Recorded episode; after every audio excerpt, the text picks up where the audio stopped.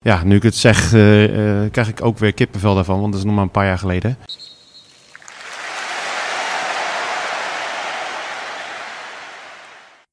In de zomer van 1989 schokte de SLM-vliegtuigramp in Suriname de voetbalwereld. Vijftien leden van het kleurrijk elftal vinden hierbij de dood. Eén van hen, Andro Knel, wordt door supporters van zijn clubs, Sparta en NAC, nog altijd geëerd met een wedstrijd die uniek is in zijn soort, de Andro Knel-bokaal. Peter van der Zwan, supporter van Sparta, is een van de organisatoren van deze bokaal. We, Jim Holtues en Edwin Muis, ontmoeten Peter op een toepasselijke plek, namelijk het supportershome van Sparta. Een mooie, ingetogen podcast met een lach en een traan over de SLM-ramp. Andro Knel, Wendel Vrezer, Johan Cruijff en Kunstgras, Vincent Gordijn, supportersbanden en Sparta. Peter, ehm, gefeliciteerd allereerst. Uh, Dankjewel. Je zit te glimmen. Uh, promotie van Sparta. Hoe, hoe, heb jij dat beleefd de laatste week? Ja, de laatste week was echt uh, een rollercoaster. En eigenlijk beleef je het en in je hoofd en op je telefoon nog elk moment van de dag beleef je het eigenlijk mee. ja, het, het, was eigenlijk een soort van onverwacht. En ook weer niet. De thuisstrijd ging natuurlijk verloren. de graafschap dacht dat ze er al half waren. En ja, wij hebben er toch nog de kracht weten te vinden om een uh, geweldige pot op, het, uh, op de mat te leggen en daar te winnen. Ja, wat er daarna ontstaat, weet je wel, het uitvak dat uitzinnig is, de spelers die euforisch zijn. En dan kom je hier bij het stadion, dan staan er ook al 500 man, plus nog eens de 600 man uit Doetinchem. Dat is heel laat of heel vroeg geworden, hoe je wilt. Ja. ja maar je hebt niet heel veel geslapen, zijn net. Nee, twee à drie uurtjes. Ik, ik wist van tevoren dat ik echt moest werken die dag.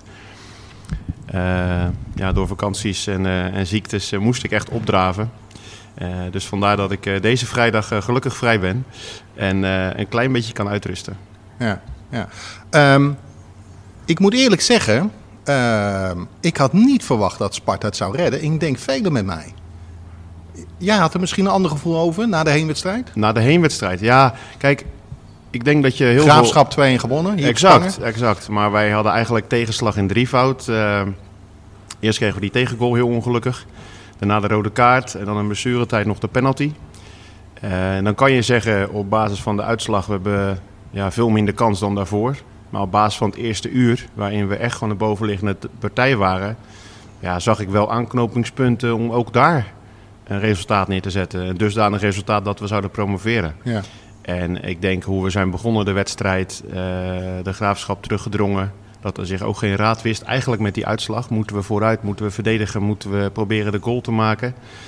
Uh, en dat het dan nog zo lang duurt voordat die 0-1 valt. Ja, dat was uh, ongelofelijke spanning. Ja. En dan zie je daarna eigenlijk dat we er nog een schepje bovenop doen. Zo, we hebben nog maar één goal nodig om te promoveren. Ja. Kreeg jij het gevoel dat ze misschien bij de graafschap dachten na die heenwedstrijd we staan niet met, een, met één been in, in de Eredivisie, maar met uh, één drie kwart been? Nou ja, het leek bij het feest bij het uitvak leek zelfs twee benen. Ja. Dat vond ik echt onvoorstelbaar. Wij zaten echt daar gedesillusioneerd in het vak. Ja. En uh, bij het uitvak uh, spelers hossen, springen, dansen, shirt uit, publiek uitzinnig, logisch, dat zouden wij ook zijn. Maar als speler had ik gezegd tegen de supporters, jongens, nog één wedstrijd. Makian, ja. En als je Henk de Jong, die ik hoog heb zitten en echt een fijne, charismatische trainer vindt, dan ook voor de camera zegt: uh, Het was een pittig en lang seizoen. Ja. Dan heb ik zoiets van: Nou, hopelijk uh, gaat Vrezen dit gebruiken en, uh, en zeggen tegen zijn spelers: Volgens mij denkt er een ploeg en een trainer dat het seizoen al afgelopen is, maar we hebben nog één wedstrijd poddommen. Ja. En dat gebeurde. Ja, hoe zat het met jou? Want dan ga je naar Doetinchem toe. Ja. en de beetje supporter heeft er vertrouwen in. Maar toch? Ja, zeker. Het, is, het gekke is eigenlijk dat um, als je 1-0 had gewonnen, dat ik het spannender had gevonden dan nu. Want nu hield je in je achterhoofd uh, zoiets van ja, we, we, staan, we staan op achterstand, letterlijk en figuurlijk. En er moet echt ja, een hoop gebeuren, willen we dit weer recht trekken. Je hield al een beetje rekening mee, zeg maar. Met ja, je, van tevoren dacht ik 50-50. Gaandeweg de eerste wedstrijd dacht ik uh, nou 60-40.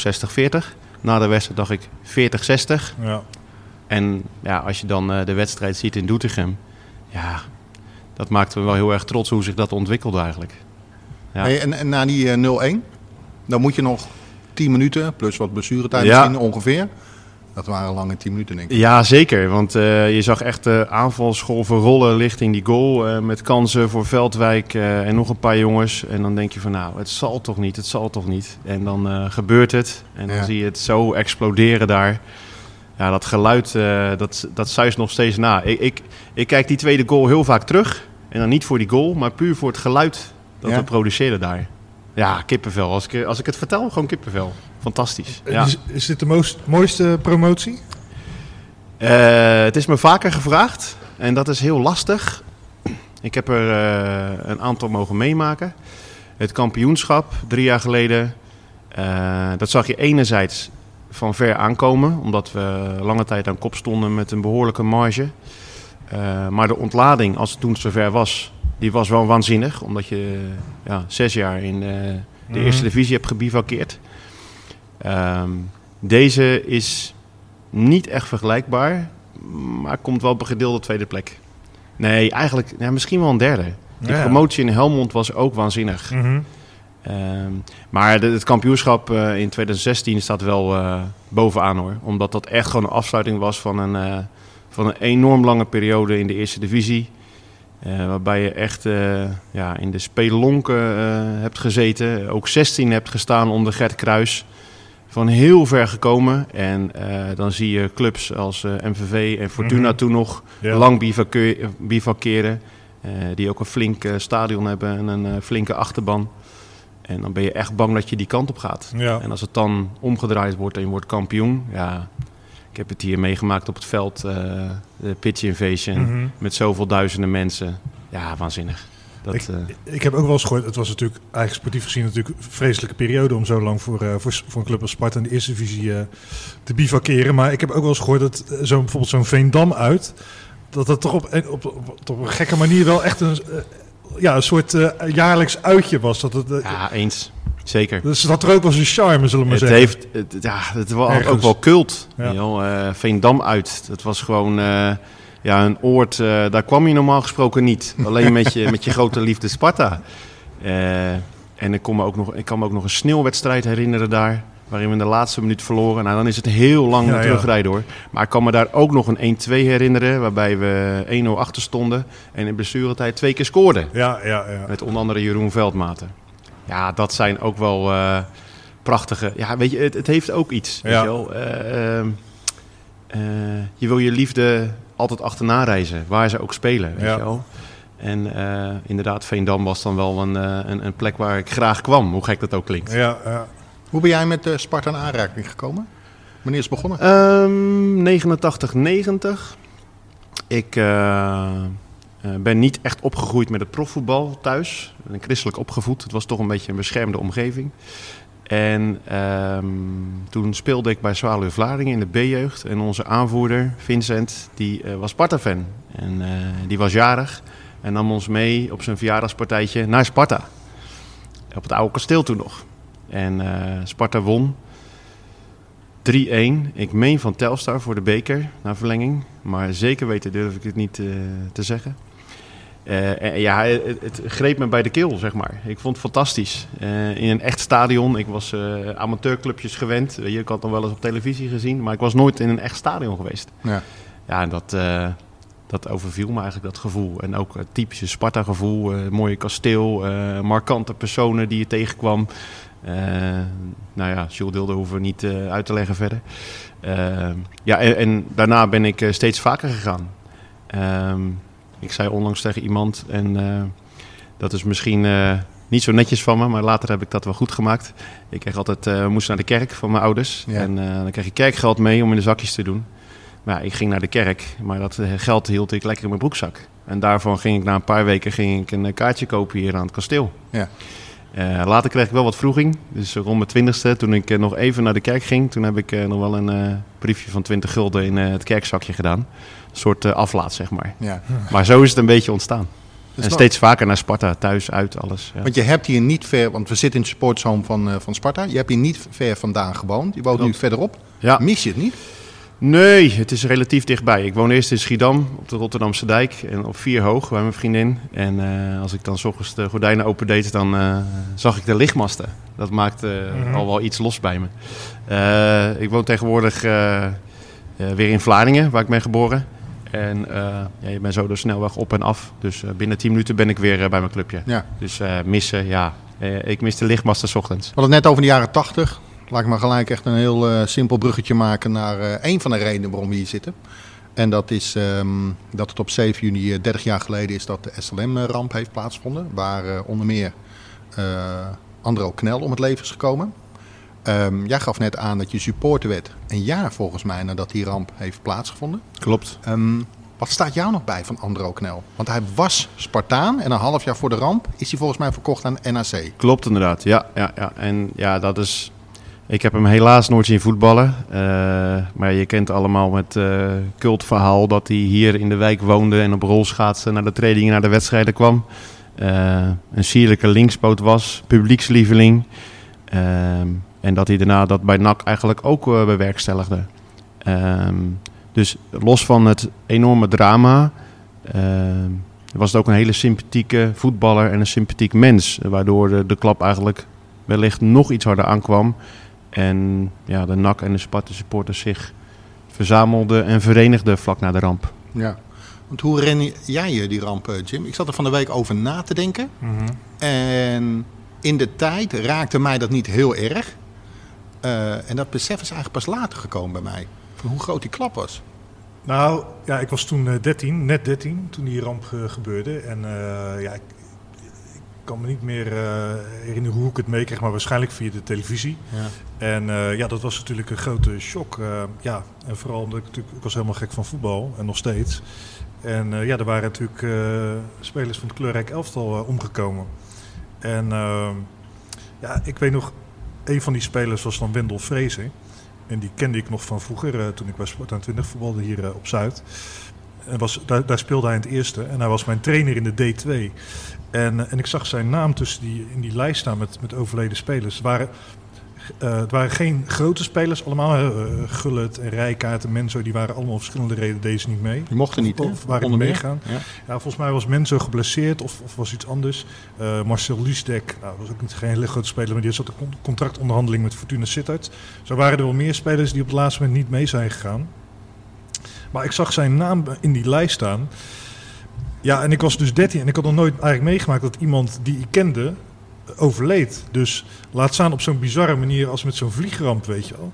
En zo'n jonge gozer nog. Het- Hij was 22. Dus ik vond dat heel, eh, ik vond dat heel vreemd, zeg maar. En eh, ja, er is, was natuurlijk heel veel media-aandacht voor. En ik kan me- ook nog herinneren dat er een hele bijeenkomst was in de RAI. Ja. Waar eh, Gullit en eh, Frank Rijkaard een woordje deden voor hun, eh, hun vriend eh Haatrecht.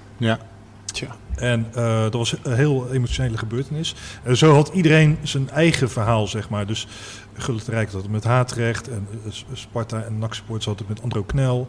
eh, RBC dan met, met Wendel Fraser en zo. mijn collega Joris heeft een keer voor, eh, voor Staantribune website heeft een verhaal geschreven over, over Ruben Kogeldans van Willem II.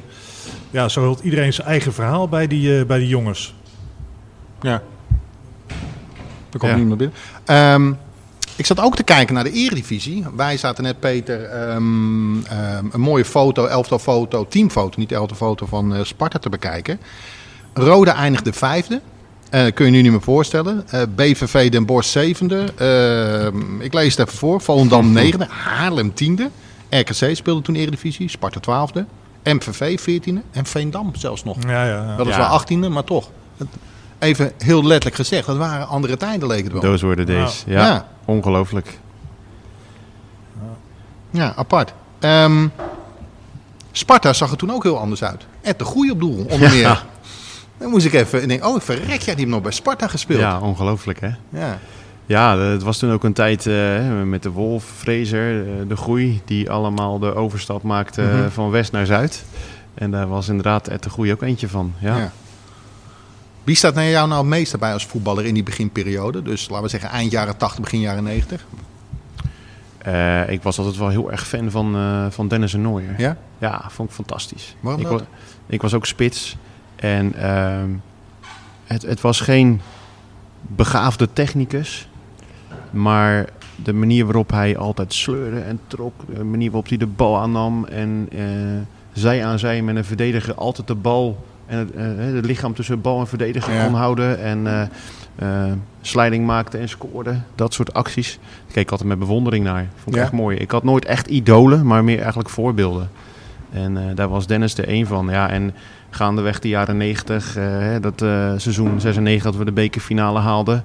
Dat we tegen PS, eh, van Feyenoord wonnen in de halve finale. En in de bekerfinale tegen PSV mochten Mhm. spelen. Dat we de Sparta-mars liepen vanaf het kasteel naar, naar de Kuip. Dat de Erasmusbrug toen nog niet bestond, maar dat we over de Willensbrug liepen. Ja, dat soort dingen, die herinner ik me nog wel. En eh, ja, lo- los van Dennis Nooijen, Arjan van der Laan, Nico Jaling, Ron van den Berg. Dat soort spelers. Echt, eh, toen Beetje flegmatiek, een beetje eigenzinnig. ja, zeker, dat ook. Eh, maar ook echt clubspelers. Ja. Over, over die tijd gesproken. Weet je, dat vond ik ook zo mooi eraan. Dat je echt spelers had die nog vijf, zes, zeven jaar bij een club voetballen. Ja. Echt clubhelden. Die je helaas niet meer hebt nu. Als ik even naar ehm, die selectie van Sparta van dat jaar kijk. ehm Mike Snoei, John Schuurhuizen, Piet Wijnberg. Die ken ik alleen van Ajax, moet ik zeggen. Eh, eh, Valken nog, eh, Henk van Stee. ehm, eh, maar ook Prins Polly. Dat was zeg maar een van de exotische namen. Ik denk als je nu kijkt, heb je er veel meer. Over cultheld gesproken. Ja, dat was er één, ja. hoor, Prins Polly. Ja, heerlijk. Daar kwamen, kwamen mensen echt voor naar het stadion. Qua namen, ja, tegenwoordig heb je... eh laatst interviewde ik voor ons kasteelnieuws. eh Ieder Lindo Moreno Frère. Met Caveriaanse roots. Ja, Vind ik ook een prachtige naam. zeker. Ja, dus eh, ja, dat is tegenwoordig eh, is dat veel meer aan de orde. Ja. Ja. Wanneer zijn jullie begonnen met, ehm, met de Andro Knelbokaal? Of leg eerst even uit hoe, hoe die is ontstaan voor de mensen die dat Ja. verhaal niet kennen. Ehm, ik ben daar zelf niet actief bij betrokken geweest bij het begin. Maar wat ik me nog kan herinneren en waar je nog steeds heel veel foto's van ziet, ook op internet, is de enorme bloemenzee eh, aan de Beatrixstraat. Hè, en waar dus eh, zowel NAC-sjaals als Sparta-sjaals Mhm. lagen, shirts. Het collectieve rouwen, dat was eh, wel indrukwekkend. Om even in woorden van Michael van Praag te praten. Ehm, en ja, sorry, die kon ik niet laten. Eh, Die is erg, hè, was die. eh, ja, ja. tweet, ik, ja. Denk, ik denk sowieso dat het eh, superlatief indrukwekkend aan inflatie onderhevig is Ja, eh, ja. na deze week. Ja. Ehm, eh, los daarvan, ja, daarnaast eh, jongens van de oude garde die nu ook nog steeds actief meedoen of bij betrokken zijn. Mhm. Eh, die zaten toen in het café en, eh, met, eh, met NAC-vrienden. En die hebben het plan toen opgevat om tegen elkaar te voetballen om Andro te herdenken. Eh, dat is toen opgestart. Is ook een periode, een paar keer is het niet geweest. Ik weet niet hoeveel edities er exact wel of niet gespeeld zijn. Maar er zijn een paar edities niet gespeeld. Dat kwam ook omdat het wat lastiger was dat we niet in dezelfde competitie speelden. Eh, later heeft Sparta dat heel goed opgepakt door standaard een oefenwedstrijd in te plannen in de voorbereiding tegen NAC in Sint-Willebrod. En wij speelden dan als voorwedstrijd de Andro Knelbokaal. Ja. Ik ben er zelf de laatste twaalf jaar actief bij betrokken. Eh, en neem ik de organisatie aan Sparta-kant eh, op me. Eh, en dat doe ik met heel veel liefde, plezier en toewijding eigenlijk. En dat geldt voor de NAC-kant ook. Ja, en, en nu is het, want jullie gaan dit jaar wel weer tegen elkaar spelen, ondanks Ja. dat de teams niet in dezelfde competitie uitkomen. Althans, jullie zijn gepromoveerd en NAC is net gedegradeerd. Ja, we spelen nu op de open dag. Ja. Oftewel de familiedag van Sparta op 20 juli. Eh, eerst spelen de beide hoofdmachten om 1 uur tegen elkaar. En aansluitend spelen wij ook hier in het stadion om de andere knelbokaal tegen NAC. En dan hopen we inderdaad dat eh, al die duizenden mensen die er al zaten, dat daar ook een flink deel van blijft zitten. Uiteraard. Want dat zou natuurlijk een Ja. heel mooi eerbetoon zijn. Eh, we hopen ook dat de familie daarbij aanwezig kan zijn, wil zijn. Eh, in het verleden was het nog wel eens lastig, omdat ze enerzijds het enorm waarderen dat we hem nog steeds herdenken, maar het ook niet altijd konden opbrengen. Een van zijn zussen is een paar jaar geleden wel aanwezig geweest en eh, dat heeft hij heel goed gedaan. Ja.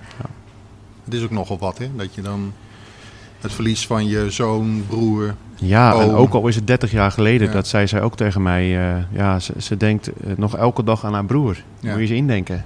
Dat is onvoorstelbaar. Ja. Is dat misschien wat die klap toen de tijd zo groot maakte? Wat jij net zei, Jim. Ehm, het zijn niet zozeer volgens mij 14 spelers en de trainer, zeg ik even uit mijn hoofd. Ehm, en corrigeer me als ik ernaast zit.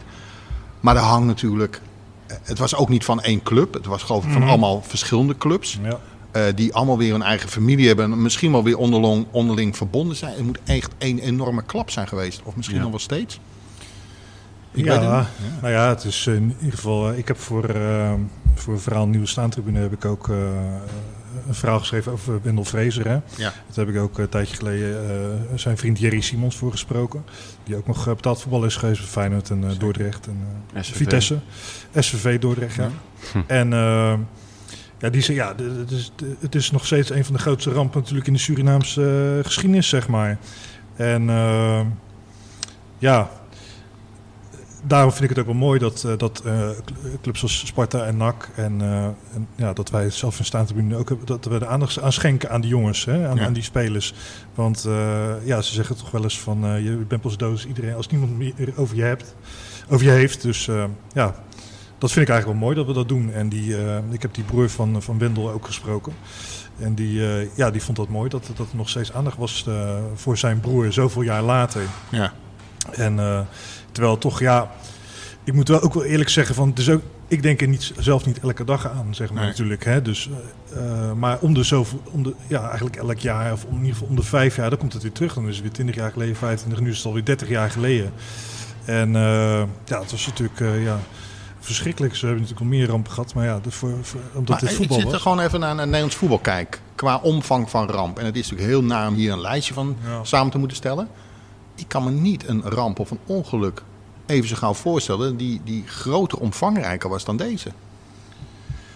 Nee, we kennen natuurlijk uit het buitenland uh, heel Buitenland, en, en, ja. En IJssel, ja, ja, zeg maar. Maar uh, van Nederlands begrippen zou ik ook niet zo snel 1, 2, 3 uh, Nee, dit komen. is... Maar, nee. En, en toch, um, je hebt dan uh, een tijdje het kleurrijk elftal gehad. Ja. Later kwamen daar de juryprofs, die hebben zich dan weer afgescheiden. Dan was er weer wat mot onderling. Ook, ja. Um, en dit jaar wordt het ja, noem je dat, jubileum, het 30-jarig uh, nou ja, bestaan van de ramp, laat ik het even een krom Nederland zeggen, niet door hen gevierd. Dat vind ik dan wel weer raar.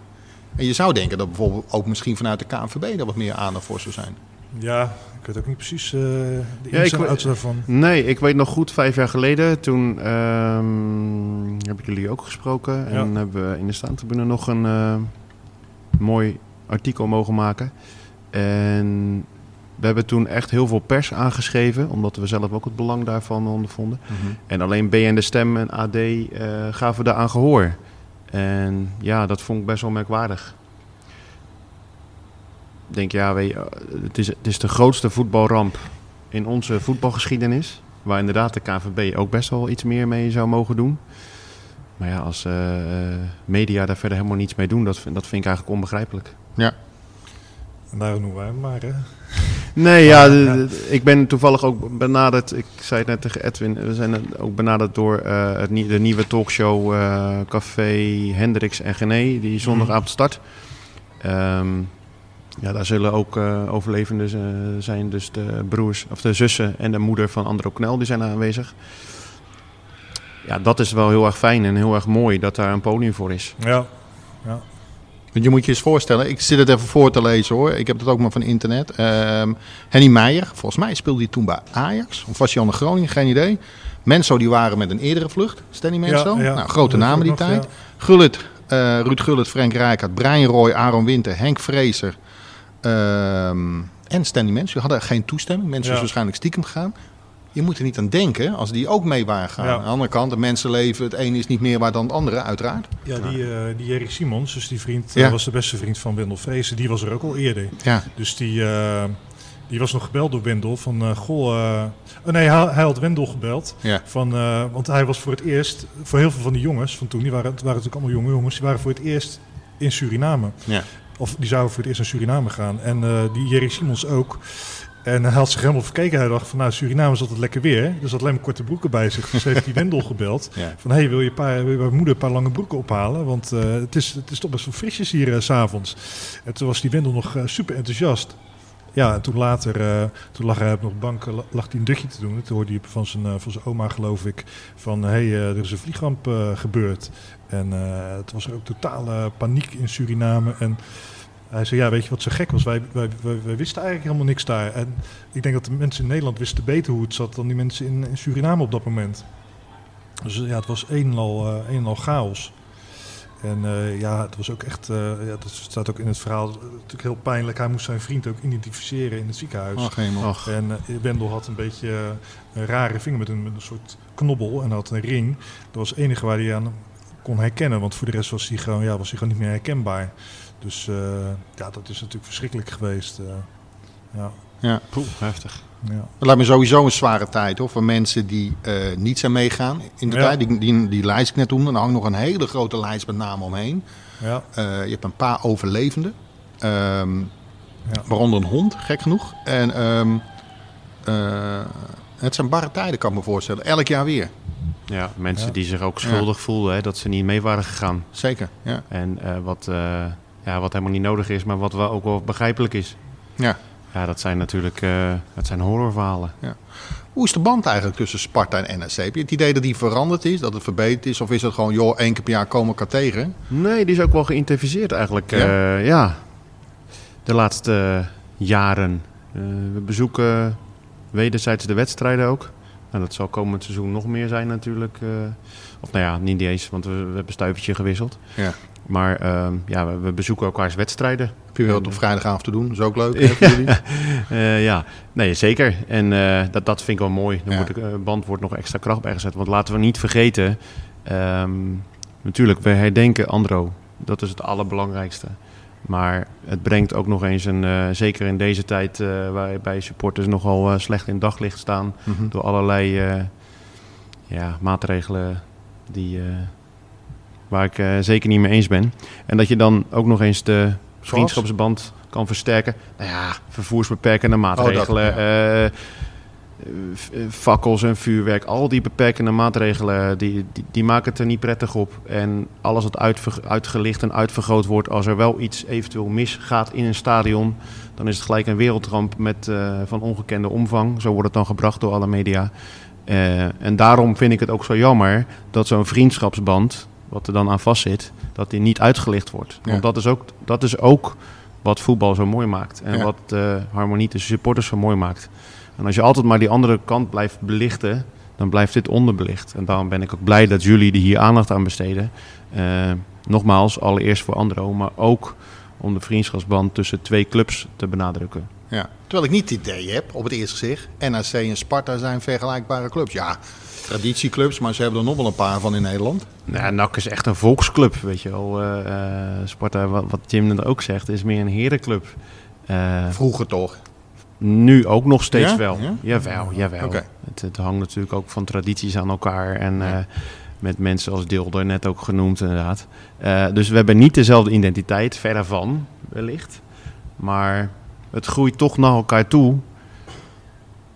Omdat je die achtergrond hebt. Wat heb je nog meer van die clubs? Graafschap Telstar kennen wij. Nou, de Graafschap en NAC, die hebben dan ook een eh, band. Hè? Dus toevallig, eh, ja, we nemen deze, eh, dit zal op de dag van de SLM-ramp, als minstens als SLM-ramp 30 jaar geleden wordt dit uitgezonden. Maar Mhm. vandaag Ja. is het dan ook in 2001, meen ik, is Ferry van Vliet om, nee, is ehm, Ferry van Vliet, een speler van NAC, die Ja. is omgekomen. En vandaag in 2001 speelde NAC uit bij de Graafschap. En dat hele uitvak zat vol. Het werd, eh, werd al tijdens de wedstrijd door het Graafschap publiek werd, eh, zijn naam gescandeerd en You Never Walk Alone werd gezongen. Ja. En na het laatste fluitsignaal kwamen die spelers van de Graafschap die kwamen het veld op. En die liepen allemaal naar het uitvak. En niet om het uitvak aan te vallen, maar om samen You Never Walk Alone te zingen. Ja. We hebben toevallig vandaag op, eh, op onze social media kanalen hebben daar een filmpje van geplaatst. Ja, dat is ook ontzettend veel Kippenvel. Ja. Heel veel mensen die vinden dat ook gewoon een mooi eerbetoon, weet je wel. En eh, ja, daarom doen we dat ook. Want we, ja, we willen dat ook levend eh, houden. En eh, daardoor hebben NAC en, en de Graafschap ook een, eh, een band gekregen door dat eh, gebeuren. Want even, niet, niet omdat we hier nu een keer de zoetsappige EO-show aan het opnemen zijn. Maar ik, ik had ook dat gevoel toen ik al die ADO-supporters in de Kuip die knuffels zag gooien. Eh, Ja. en zo zullen er ongetwijfeld nog veel Ja. meer van die acties zijn. Nou ja, wij hebben ook een band met MVV bijvoorbeeld. Logisch. Ehm, nou ja. nee, ja, ik zal het even uitleggen. Ja. Het was heel toevallig een van de eerste jaren dat we afdalen naar de eerste divisie. En toen dachten we van nou, MVV, dat is ook nog eens een dagje Maastricht. Ja. Geweldig, dat gaan we benutten. Dus wij zaten daar met eh, heel veel Spartanen bij een kroeg. En toen kwamen we dus MVV-supporters tegen, die ons vriendelijk gedag zegden. Waar wij helemaal niet gewend waren van supporters als we ergens eh, bij de vijand... Nee, gekheid. Maar eh, daar ontstond een bepaalde vriendschapsband. En we zeiden tegen elkaar, oh, kunnen jullie volgende keer niet, eh, niet wat eerder komen een paar uur? Dan gaan we gewoon lekker tegen elkaar voetballen en, en daarna bier drinken. Ja. Nou, dat is eigenlijk een notendop waar het mee begonnen is. Toen heette dat eerst de Arie van Staveren bokaal. Want we waren Ja. hartstochtelijk op zoek naar iemand die zowel voor eh, MVV als voor Sparta had gespeeld. Goeie baard had hij hè, vroeger. Zeker, zeker. Ja. Ehm, ik organiseerde dat samen met eh, Vincent Gordijn. Uh, Vincent is uh, een aantal jaren geleden plotseling overleden aan een uh, hartaanval. Hij was aanvoerder van dat team en ik van ons team. En ja, dat is ongelooflijk, maar daardoor krijgt die band nog eens extra cachet. En sindsdien heet het de Vincent Gordijnbokaal. ja, nu ik het zeg, krijg ik ook weer kippenvel daarvan, want dat is nog maar een paar jaar geleden. Ehm, ja, we belden elke week met elkaar over het wel en wee van de clubs.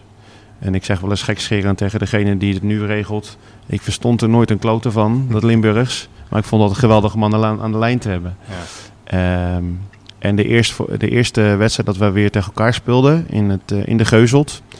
Uh, toen was zijn zoontje aanvoerder. En toen wonnen ze met 5-3 en toen mocht ik de Vincent Gordijnbokaal aan zijn zoontje overhandigen. Nou, je kan je wel voorstellen uh, wat dat heeft gedaan met, met de band tussen de beide clubs. Dus de, de Schengen, die steunen de Spangenaren en andersom. Oké. Ja. Ik zit te denken, ik, ik ken niet heel veel meer clubs. Nou ja, goed. In het, uh, wij, wij uh, hebben ook nog uh, twee andere verbindenissen met clubs ja. uit België. De een is Cerkel Brugge. Mhm. die speelde hier op de open dag een aantal jaren geleden. En die zaten schuin tegenover ons sfeervak met uh, 200 man uh, sfeer te maken, en groene vlaggen enzovoort. Dat maakte heel veel indruk op zo'n open dag. En na de wedstrijd, toen liepen we met een heel groep Spangenaren richting die hoek. Uh, om gewoon puur applaus te geven. En daarna hebben we met z'n allen bier gedronken en ja. bezoeken we elkaars wedstrijden wel eens. De andere club is Zulte Waregem. Um, een aantal jaren geleden interviewde ik Davy de Vouw als ex-Spartaan voor ons clubblad. En uh, die gaf me wat uh, vrijkaarten voor de eerstvolgende wedstrijd tegen Sint-Truiden, meen ik. Mm -hmm. En daar uh, raakte ik aan de praat met een paar jongens en een paar capo's van, van die club.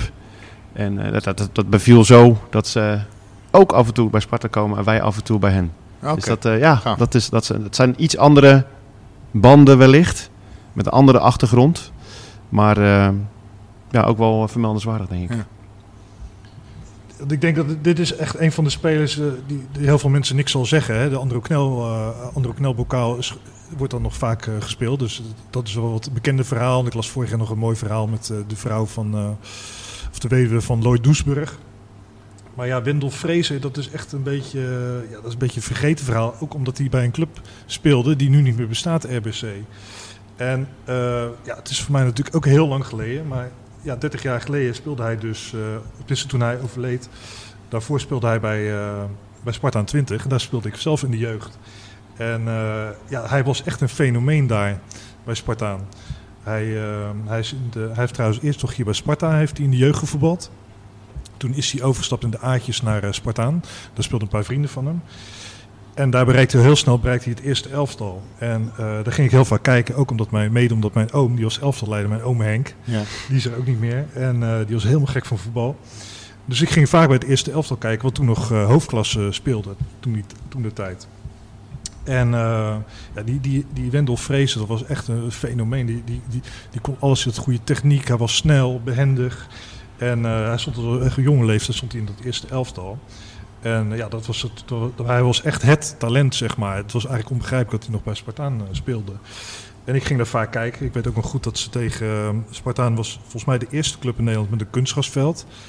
Het was toen nog het was een heel slecht kunstgrasveld. Dat trainde wij op in de jeugd. En als je dan getraind had, daarna kom ik thuis, zat allemaal pitjes overal in mijn haar en in mijn kleding. En dan, Brandvlekken misschien nog, of dat niet? Nou, je moest geen uh, sliding nee. maken. Nou, dan lag echt je benen open. En uh, daar ehm, daar zijn toen een paar betaald voetbalclubs, uh, Sparta ook, en Feyenoord en Excelsior. En Johan Cruijff belde op een, uh, op een donderdagavond belde hij naar Spartaan. Ja.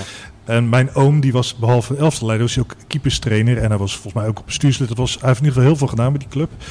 En hij zat in de kantine, uh, net voordat, uh, voordat hij de keepers zou gaan trainen. En uh, toen zei iemand uit die kantine... hey Henk, Henk, Cruijff voor je aan de telefoon.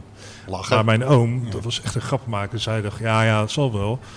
Ze nemen hem in de maling. Laat hem zomaar terugbellen naar de training. Dus na de training zat hij daar met, ja. uh, net uit de douche met natte haartjes. Ja, ja Henk, kruif je aan de telefoon. Dus uh, ja, mijn, mijn oom kon dat heel uh, geweldig nadoen, dat, de, het Kruifiaans. Maar inderdaad, het was Johan. En die vroeg van, hey, kunnen we een keertje bij jullie komen trainen? Want ik heb gehoord dat jullie een kunstgrasveld hebben. Ja. Ja, zo zie je dat die Kruif was de tijd natuurlijk al vooruit. Ik dacht, hé, hey, dat wil ik een keertje proberen. En dus kwam daar het, het, het Ajax het, eh, van, van 1987 met eh Ja, Rijkaard, Menzo, eh, Wouters van het Schip, noem maar op, Danny Blind. Die hadden net daarvoor die, eh, of ze hebben toen die, die Roco 2 gewonnen. De Ja. enige die niet bij was, was Van Basten, die was geblesseerd. ja. En die hebben dus op een, eh, volgens mij was het een doordeweekse avond, hebben ze tegen Spartaan gespeeld op Rotterdam-Zuid. Dat zou nu eigenlijk niet meer kunnen. eh, hè, dat Ajax Je moet je voorstellen zo'n. Ajax-bus dan daar naar binnen Ja, zo, nou, ik weet nog goed, want ik was toen natuurlijk ook, eh, ja, ik was toen eh 11 denk ik. En dat Kruif uit die bus kwam met zo'n lange regias. En ik heb ook een handtekening nog steeds ervan, weet Ja. je wel. En ja eh, toen hebben ze die wedstrijd gespeeld. Eh, Ajax won met 7 in. En Die enige goal werd natuurlijk gemaakt door Windel Vrezen. Ik heb daar ook nog steeds een, eh, het enige Ajax-gerelateerde item dat ik nog thuis heb. Ja. Is een foto die ik van mijn oom Henk heb gehad eh, van die selecties door elkaar. En dan staat hij eh, staat ook naast Menzo. Want mijn oom was zelf ook een keeper. En hij ging natuurlijk naast Menzo staan. Ja, Kruif staat er op een of andere manier staat hij niet op. En waarschijnlijk was dat omdat hij op dat moment werd hij geïnterviewd door eh, waarschijnlijk het Rotterdam Dagblad of het Vrije Volk toen de tijd. En eh, ja, wat over, over die Wendel. Dat was echt dus, dus was, was de man. En toen werd hij ook nog eens een keer mijn trainer in de D2, weet je, niet Ja. de D1, in de D2. Ja, dat was ook al mooi natuurlijk. En, eh, Wat voor trainingen gaf hij? Alles lekker met de bal? ja, ik heb is ooit... heel, is natuurlijk heel lang geleden. Het Ja. enige wat ik nog weet is dat hij zei van dat we eh, oefening moesten doen met dribbelen. Ja, ja, dribbelen, dribbelen. Want hij was natuurlijk zelf ook van dribbelen. En eh, ja, jij, jij ook, kom op, probeer hem een beetje aan te sporen. Hij was wel vrij streng. Echt? Dat zegt zijn broer ook. eh, dat hij, eh, hij is opgegroeid zonder, eh, zonder vader. Zijn vader woonde weer in Suriname. Zijn, Mhm. zijn broer die zei ook van hij was tegen mij ook heel streng. Eigenlijk was hij een soort, nam hij de vaderrol eh, over. Dus dat, dat deed hij ook een beetje bij die training. Hij was echt een beetje streng. Terwijl het eigenlijk een hele goed lachse jongen was. Hij, Ja. hij, zei ook nooit, hij zei ook niet zoveel, zeg maar. Hij was een rustige jongen. Maar hij was wel op het veld, daar kwam hij helemaal los. En als breakdance, we hebben een foto in het magazine, is hij volop aan het breakdance. Dat was natuurlijk toen de tijd in Ja, de jaren ja. tachtig. Daar was hij ook heel behendig in. Ja, en die, eh, ja, er was wel een beetje, als je hij was, eh, ik ben nu 43, hij zou eh 52 zijn geweest, dus hij was 9 jaar ouder. Daar keek je wel een beetje tegenop. Ja, en toen ging hij ook nog eens bij Feyenoord voetballen, weet je. En ik zie hem nog zo staan voor de oude kantine aan de Oldegaarde. In zo'n eigenlijk achteraf oerlelijk, maar toen was het, nu is het ook wel een beetje kult. Een heel rood hummeltrainingspak, eh, heel glimmend. En daar stond hij dan een beetje mee te voetballen, stond hij een beetje met de jongetjes te voetballen. Ja, dat hij dus Dus overstap Hummel van Feyenoord ja, uiteraard. ja, ja, dan had hij de overstap naar Feyenoord gemaakt. Hij heeft daar eh, in tweede elftal voornamelijk gespeeld. Eh, bij mijn weten heeft, is één keer heeft hij op de bank gezeten. Maar hij is nooit ingevallen. Ja, goed, dat was toen de tijd heel lastig eh, bij Feyenoord. Ze hadden liever jongens van buiten. Dat zegt zijn vriend eh, Jerry Simons ook. Ja. Die zegt Feyenoord had op een gegeven moment Regie Blinken gecontracteerd. Maar die lag voor vijf jaar vast. En ja, die was eh, dus of die, die had een leuk contract. Ja, dus die moest spelen. Dus eh, voor Wendel was op een gegeven moment geen, eh, geen plaats meer. En toen is hij dus bij, eh, bij RBC terechtgekomen. Ja, toen de tijd had je nog niet zoveel. ja, nu heb je natuurlijk internet, toen de tijd nog niet. Dus een beetje uit de vergetelheid, of uit, uit mijn oog Mhm. geraakt, zeg maar. Maar dat heeft hij dus heel goed gedaan bij, eh, bij RBC. En dan had hij dus een transfer verdiend naar het SVV van John van Dijk. Van, toen Waar geld zat toen de tijd. Ja, want John van Dijk die wilde met SVV ja. eh, promoveren naar de Eredivisie. Dik Dus- advocaat, kan ik me herinneren. ja, Dick Advocaat hadden toen... eh, Jerry Koken, ja. Jerry, of, eh, ehm, eh, Wim Jansen was technisch directeur Ja. volgens mij. Of technisch manager, zoiets. En eh, ja, die zijn toen, zijn toen gepromoveerd. En eigenlijk zou dan zou, eh, zo Wendel dus eh, ja, naar de Eredivisie gaan. Met Daar heb ik hele slechte herinneringen aan. aan, Peter van eh, Velzen, Joop Ja. Hielen Virgil vooral. Breedveld. Ja, Ja. ja, Waar een naam, ik ging ook wel eens kijken hoor. ja. Ik kan me nog een oefenpotje herinneren tegen Anderlecht 2-0 gewonnen. Twee keer Jerry Simons. ja, ik kan me de teen van Joop Hielen vooral nog herinneren. Daar word ik niet heel blij van, maar dat is een ander verhaal. Ja, ja, ja. Maar goed, eh, ja, ik, ik heb ook voor dit verhaal heb ik de, de, de voorzitter van de sportsvereniging van, R- van RBC gesproken. Dat heb ik al eens eerder gesproken. En ja, dat, wa- die had ook een bijzondere band met hem, eh, met, met, die, met die Wendel. En hij gaat nog elk jaar gaat hij naar zijn graf toe. Legt hij dan een bloemetje neer op zijn eh, sterfdag. Ik ben ook bij dat graf geweest voor dit. Ja, het is, valt niet zo gek veel te zien. eh. Weet je, er liggen geen bloemen bij. Dus het, was voor mij ook een beetje. Het is natuurlijk ook al heel lang geleden, 30 jaar geleden, ook een beetje vreemd. Stond ik daar bij dat graf, zeg maar. En eh, ja, ik wil daar toch een keer een verhaal over schrijven. Over, eh, over Mhm. Wendel en hoe dat, hoe dat gegaan is, zeg maar. Maar bij, ja, bij RBC is hij toch een soort eh, legend. Ze hebben nog steeds een eh, Wendel Fraser bokaal. Voor, voor de beste speler van het seizoen. Die heeft zijn vriend Jimmy Simons, de broer van Jerry, heeft die twee keer gewonnen. En je had vroeger bij het oude supportershome uh, van Stadion de Luiten had je een grote muurschildering van Wendel. Ja, tegenwoordig, ja goed, de RBC is natuurlijk betaald voetbal verdwenen. Er hing ook een grote portretfoto in de businessruimte, maar dat is nu ook weg. Dus ja, deze jongen is eigenlijk, ja, je hoort er nooit meer wat van, zeg maar.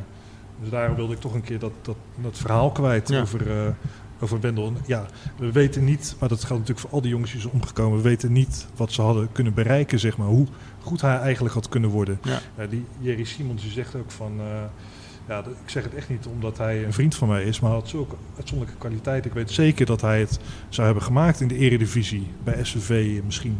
Ja, had hij later nou, als ik naar de meeste namen kijk, weet je, dat zijn allemaal wel jongens die, die goede subtoppers hadden kunnen worden. Of eh, nou, Fred Patrick was er bijvoorbeeld al bij, bij, bij Pek Zwolle, om maar wat te noemen. En ik, ik kwam er wel uh, online tegen. Er zijn nog wel her en der wat, wat standbeelden of gedenkbeelden. Dorpel heb je in de Belmer. Ja. Die speelde toen bij Volendam. Ja. En uh, ja. Ja, en af en toe dan heb je, heb je wat, wat interviews om de paar jaar vorig jaar dus met, met die uh, weduwe van Lloyd Doesburg. Ja. En uh, ja, we hebben nu we hebben alle namen. maar is, is het niet vreemd? Ik vroeg het net eerder en ik zat, ik probeerde een vergelijking te maken met het buitenland en dan, dan kwam ik eigenlijk niet zo gauw op. Um, bij Torino wordt natuurlijk elk jaar die enorme ramp herdacht. Manchester ja. United, idem dito, uh, nou zo kan ik een onderop opnoemen. Zambia kan ik me uiteraard voorstellen. Ja. Ja, ja, ja, ja, en dat is dan wel van één club of één land of één team. Ja, dit is natuurlijk ook één team. Ik bedoel, het kleurrijke elftal met heel veel andere passagiers. Laat ik dat ook niet vergeten. Ja, ja. Maar uh, ja, gek dat we daar hier wat minder... Ja. Even op, op jullie, Peter, en NRC uh, uh, daarop natuurlijk uitgesloten. Buiten dat wordt er eigenlijk niets aan gedaan. Ja. En misschien is het ook wel kenmerkend voor het land waarin we leven. Hè? Engeland ja. is, is natuurlijk daar ja, het toonaangevende voorbeeld van hoe je mensen moet eren, herdenken, gedenken. Ja, uh, raadselachtig inderdaad. Ja, ik weet dat er toen na die ramp is er, uh, is er wel een benefietwedstrijd gespeeld in de mhm. Kuip. volgens mij zaten er nog geen uh, eh, 9000 mensen toen. Hoewel dat toen wel vaker gebeurde in de Kuip. Maar goed, voorbij die wedstrijd van, van het kleurrijk elftal. Maar waar toen wel uh, Rijkaard en onder andere ja. mede Gerald Vanenburg en Menzo ja, dat uh, sloeg uh, toen de tijd. Dus ja, toen niet voetbal sowieso niet, hè, qua toeschouwersaantallen. Ja. bedoel, het was niet alleen wat jij zegt Klopt. bij de Kuip, maar... Nee, ja, door, door al die rellen en ongeregeldheden in de jaren tachtig werd... Slechte stadions. Slechte stadions, inderdaad. Uh, bezoekersaantallen liepen ver terug. Ja. Dank jullie wel. Heel graag gedaan. graag gedaan. Dank voor het luisteren naar de podcast van Staantribune. Vergeet niet je te abonneren via onder meer iTunes, Spotify of Soundcloud. Voor artikelen, voetbalboeken voetbalshirts en abonnementen op ons blad kijk je op staantribune.nl.